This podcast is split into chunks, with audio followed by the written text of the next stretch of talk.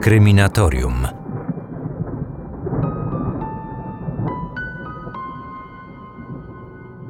Wszystkim, którzy ich znali, wydawało się, że pięciu mężczyzn z hrabstwa Juba w Kalifornii przyjaźniło się niemal od zawsze.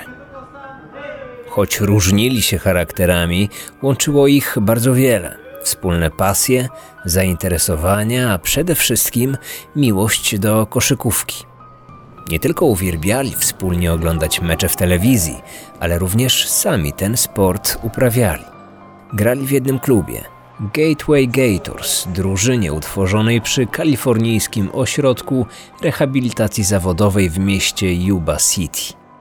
Celem tego projektu była pomoc i wsparcie dla osób niepełnosprawnych, gdyż pięciu mężczyzn z hrabstwa Yuba łączyło coś jeszcze. Wszyscy cierpieli w większym lub mniejszym stopniu na choroby psychiczne.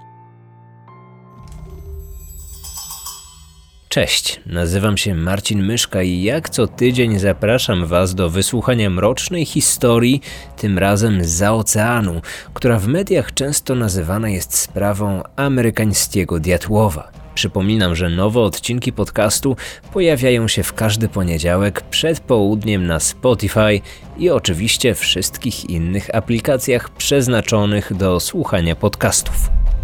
A, i jeszcze co ważne, w ciągu najbliższych dni na moim instagramowym profilu będę rozdawać kilka ciekawych pozycji książkowych. Oczywiście z tematyki kryminalnej.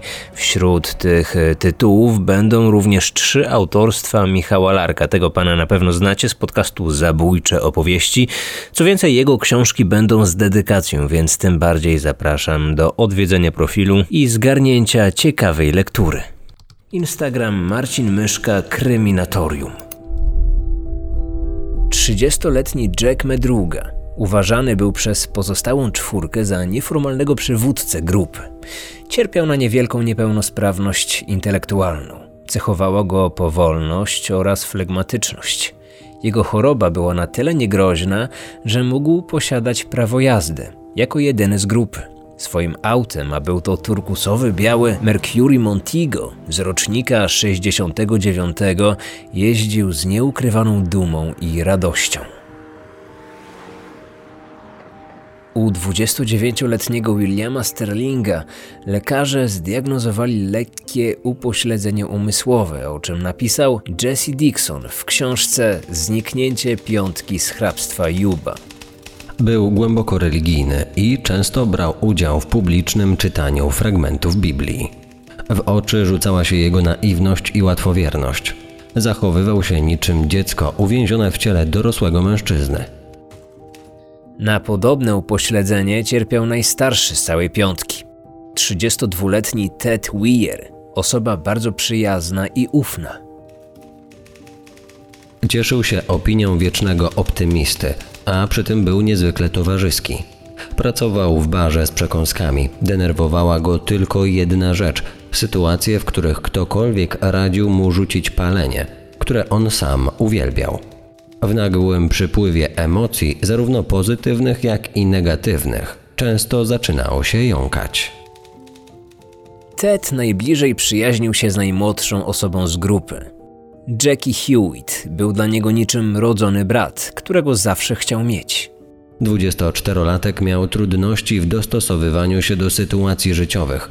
Wszelkie zmiany napawały go niepokojem, a gdy się czegoś wystraszył, praktycznie nie można było nawiązać z nim żadnego kontaktu. Zawsze wszystko dokładnie planował, gdyż nie lubił nieprzewidzianych sytuacji. Ostatni z piątki, 25-letni Gary Matajas, w przeciwieństwie do swoich przyjaciół, nie był upośledzony intelektualnie. Cierpiał na zaburzenia psychiczne zupełnie innego rodzaju. Był weteranem armii amerykańskiej. Kilka lat wcześniej służył w zachodnich Niemczech. Został jednak zwolniony do domu z powodu problemów psychiatrycznych wywołanych zażywaniem narkotyków. Niedługo później zdiagnozowano u niego schizofrenię paranoidalną. Był znany ze swoich nagłych wybuchów gniewu i agresji, które dzięki przyjmowaniu silnych leków potrafił opanowywać. Jednak Gary od blisko dwóch lat nie radził sobie ze swoją chorobą, o czym nie wszyscy wiedzieli. Coraz częściej przestawał też przyjmować leki. Wtedy zdarzało mu się wchodzić w konflikt z prawem. Był nawet kilkukrotnie aresztowany za napaść na sąsiadów lub nielegalne wtargnięcia do ich domów. Potrafił także grozić śmiercią ludziom, których uznał za swoich wrogów. Takie epizody zwykle kończyły się krótkotrwałą hospitalizacją, po której jego stan psychiczny wracał do normy.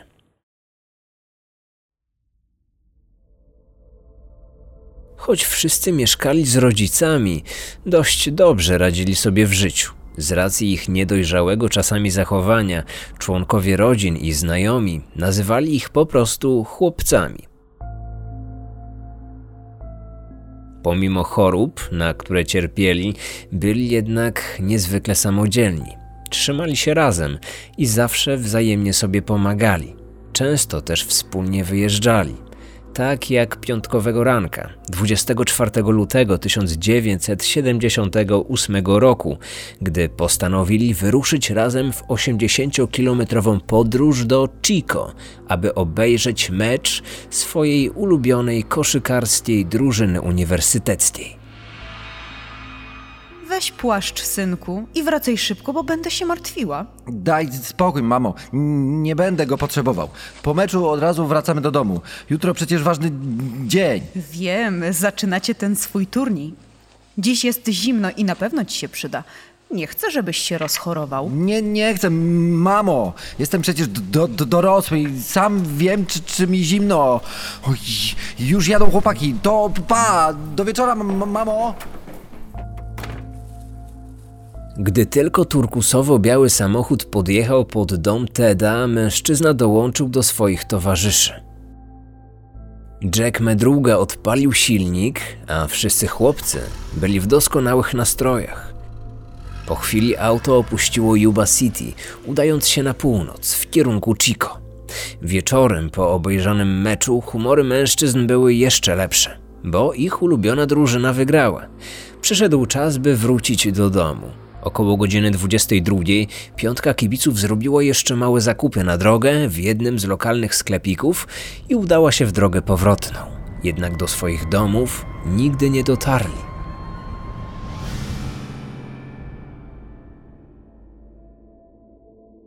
Następnego ranka Imogen Weir, matka Teda, weszła do pokoju, by go obudzić i zapytać, jak minął mu poprzedni dzień. Ku jej rozpaczy łóżko syna było puste.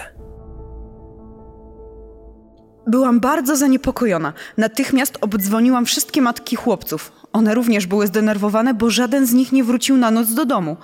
Przez następny dzień nie dali znaku życia, co nigdy wcześniej im się nie zdarzało. Było to o tyle dziwne, że właśnie w tamtą sobotę drużyna, w której wszyscy grali, miała wziąć udział w koszykarskim turnieju dla osób niepełnosprawnych. Nagrodą był wyjazd do Los Angeles, o czym wszyscy bardzo marzyli. Turniejem tym emocjonowali się od dobrych kilku tygodni i z czego zdawały sobie sprawę ich rodziny, za nic w świecie by go nie opuścili. Wieczorem o ich zaginięciu powiadomiono policję. Dla wszystkich stało się jasne, że coś złego musiało się wydarzyć w drodze powrotnej. Niestety, mieli rację. Trzy dni później strażnik Parku Narodowego Plamas poinformował policję o porzuconym na jednej z górskich dróg samochodzie. Jego marka i kolor odpowiadały temu, którego poszukiwano. Po pięciu mężczyznach nie było ani śladu. Na miejsce, jako jeden z pierwszych, przybył porucznik Lens Eyers. Okazało się, że jest to samochód, którym podróżowali zaginieni mężczyźni. W jego środku wciąż znajdowały się puste opakowania po przekąskach, puste butelki i puszki po napojach. Znaleźliśmy też starannie złożoną mapę Kalifornii oraz program z meczu koszykówki, który mężczyźni oglądali w dzień poprzedzający swoje zaginięcie.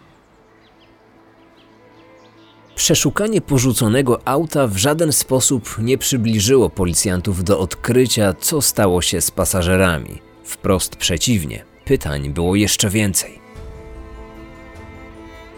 Pojazd znajdował się na zaśnieżonej, wyboistej górskiej drodze, ponad 110 km na wschód od Chico, z dala od głównej trasy prowadzącej do Yuba City. Pierwsze spostrzeżenia policjantów opisała m.in. Agnieszka Mazur-Puchała w swoim artykule dla Onetu. Pojazd był otwarty, jedna z szyb została opuszczona. Nie znaleziono kluczyka, więc próbowano uruchomić silnik na krótko. Okazało się, że odpalił bez problemu, a w baku wciąż znajdowała się benzyna. Ze względu na obficie padający śnieg można było przyjąć, że samochód zakopał się w zaspie i nie mógł wyjechać. Jednak gdyby faktycznie tak było, pięciu dorosłych mężczyzn nie powinno mieć większego problemu z jego wypchnięciem.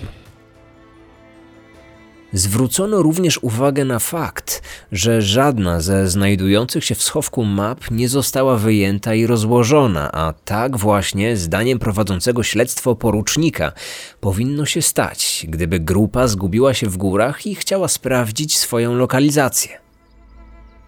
Chyba jako jeden z pierwszych zacząłem się zastanawiać, czy zaginieni mężczyźni naprawdę się zgubili. Samochód posiadał bardzo niskie zawieszenie, które w ogóle nie było przystosowane do jazdy po tym trudnym terenie, zwłaszcza w nocy i przy tak obfitych opadach śniegu. Przejechali górską drogę kilkanaście kilometrów, ale podwozie nie było w żaden sposób uszkodzone. Tak jakby kierowca bardzo dobrze znał drogę i wiedział, jak skutecznie omijać wszelkie dziury i wyboje. Wokół samochodu nie odnaleziono żadnych śladów stóp. Gruba warstwa śniegu całkowicie wszystkie zasypała. Rozpoczęto akcję poszukiwawczą przy użyciu skuterów śnieżnych i psów tropiących. Nad głowami ekip ratunkowych, poruszających się zarówno pieszo, jak i konno, latał policyjny śmigłowiec. W dobrowolne porzucenie auta nie mogła uwierzyć siostra Jacka. Dla mojego brata ten samochód był oczkiem w głowie, najcenniejszą rzeczą, jaką posiadał. Nigdy nikomu nie pozwalał choćby siadać za kółkiem, nawet pod domem zamykał drzwi na klucz, a później wracał drugi raz, aby sprawdzić, czy rzeczywiście są zamknięte. To absolutnie niemożliwe, aby pozostawił swoje auto otwarte, zwłaszcza na jakiejś bocznej drodze.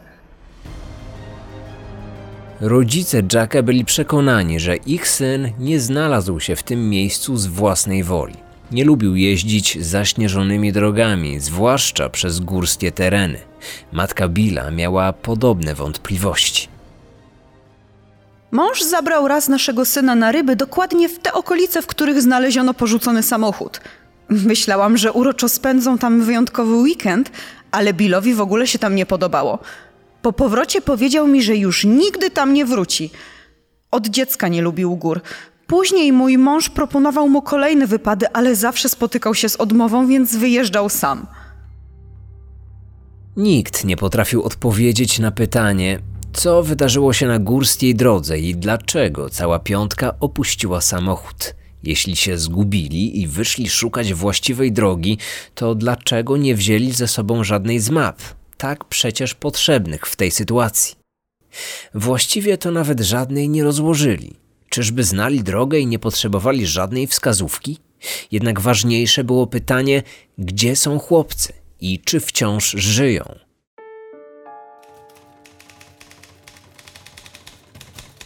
Po 48 godzinach, wskutek silnych burz śnieżnych, akcja poszukiwawcza została odwołana. Nie natrafiono na jakikolwiek ślad mogący sugerować kierunek, w którym udali się mężczyźni po opuszczeniu samochodu. Rodziny zaginionych były zrozpaczone, ale wciąż żyły w przekonaniu, że szybko uda się rozwiązać zagadkę ich tajemniczego zniknięcia.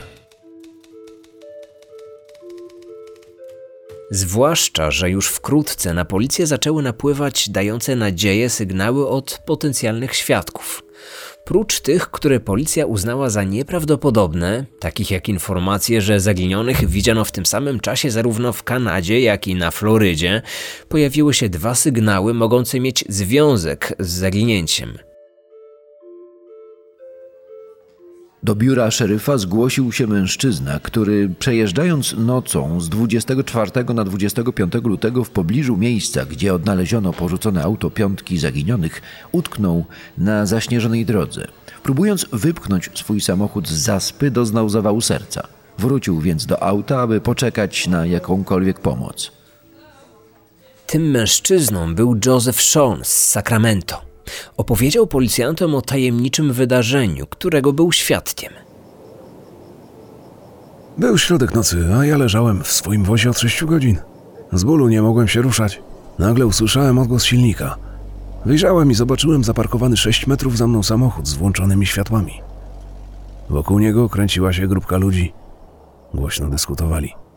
Wydawało mi się, że jedną z tych osób była kobieta z dzieckiem na ręku. Z wielkim trudem, pomimo wciąż odczuwanego bólu w klatce piersiowej, zaczął ich wołać i prosić, aby mu pomogli. Gdy tylko mnie usłyszeli, zamilkli i wyłączyli światła. Jakiś czas później ponownie zobaczyłem światła. Tym razem były to latarki. Kilka osób ewidentnie szukało czegoś w pobliżu drogi.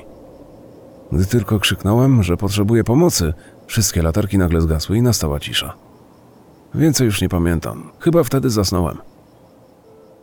Kiedy następnego ranka Joseph poczuł się lepiej, wyszedł z samochodu, aby szukać pomocy. W miejscu, z którego w nocy dobiegały odgłosy i światła, stał porzucony samochód z opuszczoną do połowy szybą od strony kierowcy.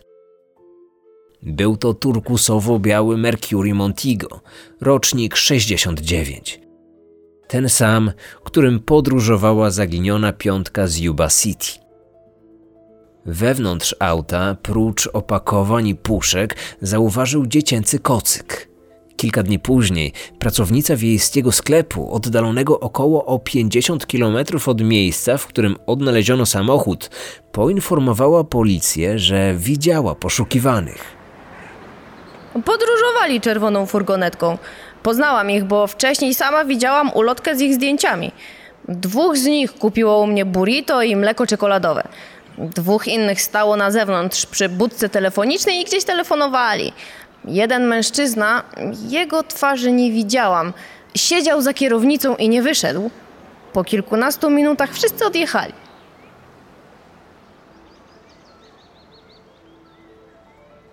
Słowa te potwierdził właściciel sklepu, a kobieta na podstawie pokazanych jej zdjęć zidentyfikowała czterech mężczyzn. Według niej zakupów dokonali Gary i Ted. Telefonował Jackie, a przy nim stał Bill. Policja potraktowała ten sygnał poważnie, ale brat Hewita był bardzo sceptyczny, o czym donosił dziennik The Desert Sun. Choć kobieta rozpoznała dzwoniącego, jego brat uważał, że nie mógł to być wskazany przez nią mężczyzna. I to z prostego powodu. Jackie nienawidził telefonów, w pewnym sensie nawet się ich bał. Sam nigdy do nikogo nie zadzwonił, nawet w celu przekazania czegokolwiek telefonicznie komuś z jego przyjaciół. O wykonanie połączenia prosił członków swojej rodziny.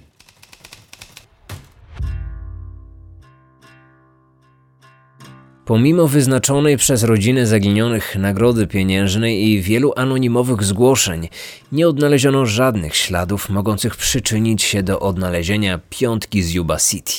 Na przełom w sprawie trzeba było poczekać do czasu, aż w Parku Narodowym stopnieją śniegi. 4 czerwca 1978 roku, ponad trzy miesiące po zaginięciu niepełnosprawnych mężczyzn, grupa motocyklistów przemierzająca górski szlak w odległości około 30 km od miejsca odnalezienia samochodu dotarła do opuszczonego obozu strażników leśnych. Postanowili wykorzystać jeden z kempingów, aby odpocząć. Zaniepokoił ich nieprzyjemny zapach wydobywający się z jednego z domków. Podejrzewając, że w środku znajduje się martwe zwierzę, otworzyli drzwi. Wtedy natknęli się na upiorne znalezisko. Na łóżku owinięte w osiem prześcieradeł leżały zwłoki mężczyzny. Choć w pełni ubrane, to jednak boso i nigdzie nie było butów zmarłego. Tym mężczyzną był Ted Weir, jeden z zaginionych. Na stoliku przy łóżku motocykliści znaleźli jego rzeczy osobiste. Wśród nich portfel z gotówką oraz złoty naszyjnik. Przy częściowo wypalonej świecy leżał złoty zegarek, zdaniem rodzin chłopców, nie należący do żadnego z nich. Policji nigdy nie udało się zidentyfikować właściciela tego przedmiotu. Na podstawie innych znalezionych w domku rzeczy ustalono, że razem z Tedem musieli tam przebywać również Gary i Jackie.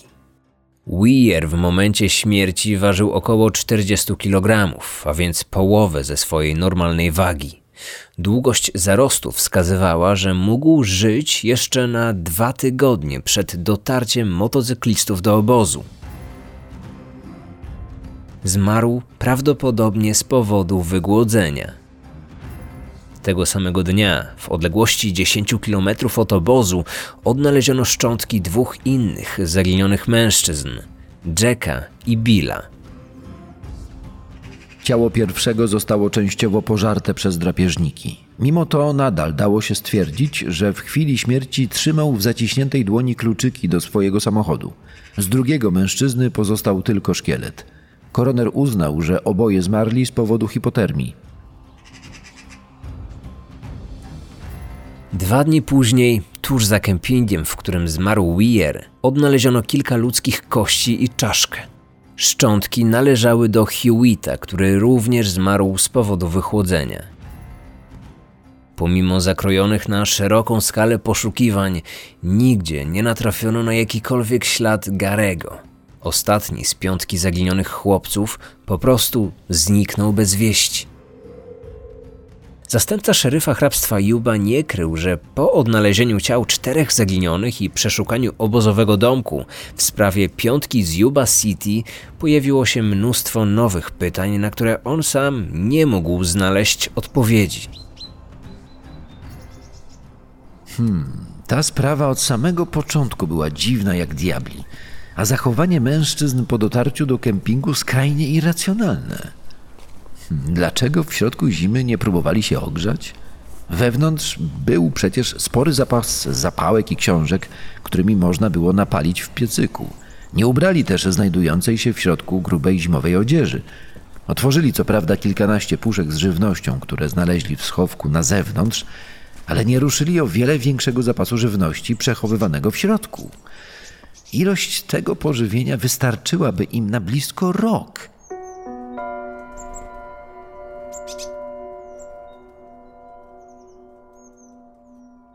Co więcej, wewnątrz znajdował się zbiornik z gazem, który służył do ogrzewania pomieszczenia. Podobne zbiorniki stosowano w amerykańskiej armii, więc przybywający w domku Gary, który przecież służył kiedyś w wojsku, musiał znać ich obsługę. Dlaczego nie zdecydował się na jego użycie? Pytań było jednak znacznie więcej. Co sprawiło, że mroźną nocą opuścili samochód bez ciepłych ubrań, mimo iż zdaniem policji mogli bez przeszkód kontynuować podróż. Czy wszyscy dotarli do kempingu? Co stało się z Garym? I wreszcie, jaką rolę w tych wydarzeniach odegrała kobieta z dzieckiem na ręku? Czy znaleziony w samochodzie kocyk należał właśnie do tego dziecka? Jak to zwykle bywa w podobnych przypadkach, brak odpowiedzi na najbardziej nurtujące pytania często prowadzi do powstania wielu różnych teorii. Tak też było i tym razem, a policjanci robili wszystko, co tylko mogli, aby rozwiązać tę zagadkę. Jeden z dzienników przytoczył wypowiedź policjantki biorącej udział w poszukiwaniach. Odkryliśmy, że mężczyźni mieli znajomych w pobliskim mieście. Uważaliśmy za możliwe, że wracając do domu chcieli ich odwiedzić, ale na źle oznakowanej drodze pomylili zjazdy i zabłądzili. Mogłoby to tłumaczyć, dlaczego znaleźli się na górskiej, wyboistej i zaśnieżonej drodze. Jednak nie wyjaśniało, dlaczego po stwierdzeniu, że zabłądzili, wszyscy po prostu nie zawrócili, ale zamiast tego kontynuowali swój marsz w kierunku, w którym pierwotnie jechali, na co uwagę zwrócił porucznik. Być może po prostu uznali, że uszli zbyt daleko, aby zawrócić. Brnęli więc dalej w śniegu kilka godzin, aż doszli do obozowiska. Prawdopodobnie po drodze z wychłodzenia zmarło dwóch z nich. Trzem pozostałym udało się dostać do środka domku. Zdaniem policji, po kilku dniach spędzonych w kempingu, stan Weiera pogorszył się. Pozostali uznali, że muszą wyruszyć po pomoc. Przed wyjściem owinęli Wteda w kilka prześcieradeł, myśląc, że jest on bezpieczny i udali się w drogę.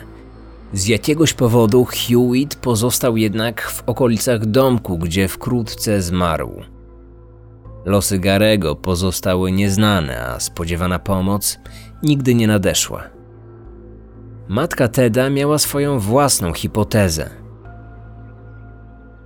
Myślę, że gdy znaleźli ten domek, wybili okno, aby dostać się do środka. Ponieważ drzwi były zamknięte na klucz, pomyśleli, że stanowi on własność prywatną.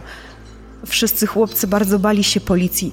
Mogli więc obawiać się aresztowania za kradzież, gdyby użyli czegokolwiek, co znaleźli w środku.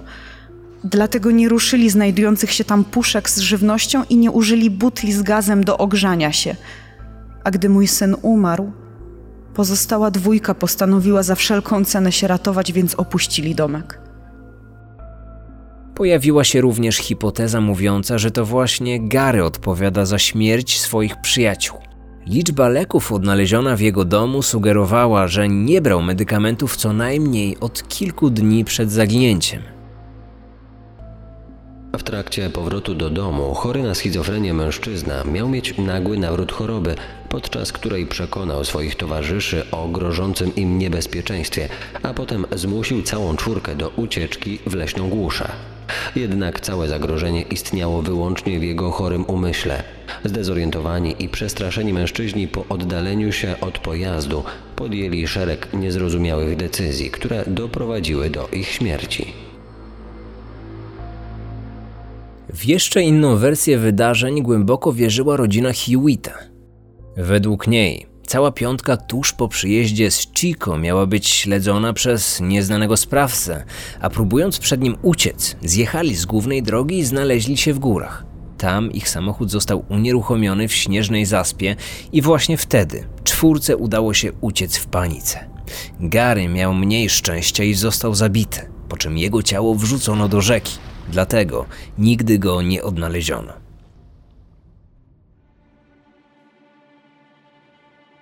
Choć od zaginięcia piątki z Yuba City minęły już 42 lata, sprawa ta wciąż pozostaje do końca nierozwiązana. Nie wiadomo, które z zaprezentowanych wyjaśnień jest prawdziwe, a które nie. A może istnieje jakieś inne wytłumaczenie, którego jak dotąd nikt nie brał pod uwagę. Zima, odległy i trudno dostępny górski region, niezrozumiałe, wręcz nielogiczne zachowanie uczestników tych wydarzeń oraz mnogość najróżniejszych teorii, które oparte są niemal wyłącznie na domysłach osób badających ten przypadek, te wszystkie czynniki przypomniały wielu dziennikarzom tragedię radzieckich studentów na przełęczy Diatłowa w roku 1959. W ciągu ostatnich lat coraz częściej przypadek piątki z Yuba City nazywany jest w mediach amerykańskim diatłowem. Może też istnieje jedno najbardziej racjonalne wyjaśnienie tej tajemnicy. Na początku 2018 roku, pod jednym z amerykańskich podcastów poświęconych tej historii, pewien anonimowy internauta przedstawiający sam siebie jako kierowcę ciężarówki z hrabstwa Juba napisał komentarz, w którym zawarł niepublikowaną nigdzie wcześniej informację. Rozmawiałem ze strażnikiem Parku Narodowego o imieniu Norris, który był obecny przy odkryciu samochodu porzuconego przez piątkę zaginionych wówczas chłopaków. Zdradził mi w tajemnicy, że w baku auta, wbrew temu co podały media, nie było ani grama paliwa. A co za tym idzie, chłopakom po prostu zabrakło benzyny na jednej z górskich dróg. Dlatego zostali zmuszeni do wyjścia z wozu i szukania pomocy. Podawał przy tym mnóstwo szczegółów związanych ze sprawą, tak jakby śledził ją przynajmniej od wielu lat. W końcu wyjaśnił, dlaczego oficjalna wersja wydarzeń podaje do dziś, że samochód był sprawny, a w baku wciąż znajdował się wystarczający zapas benzyny. Tamtego dnia było zimniej i wietrzniej niż zwykle. Strażnicy parku w celu wydobycia auta z zaspy próbowali odpalić silnik na krótko. Spostrzegli jednak, że bak jest pusty. Ze względu na trudne warunki pogodowe bano się, że wielka laweta mająca odholować porzucony samochód utknie w śniegu i trzeba będzie wezwać ciężki sprzęt. A to dużo kosztuje. Zdecydowano więc o dolaniu benzyny, co nastąpiło zanim przyjechała wezwana przez nich policja, która o uzupełnieniu paliwa nie została z jakiegoś powodu poinformowana. Po sprawdzeniu okazało się, że to poszukiwany samochód.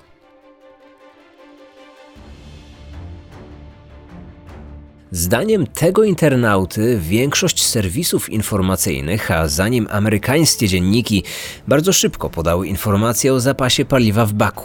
Policja nie zdementowała tych wiadomości. Prawdopodobnie poza strażnikami nikt o tym fakcie nie wiedział.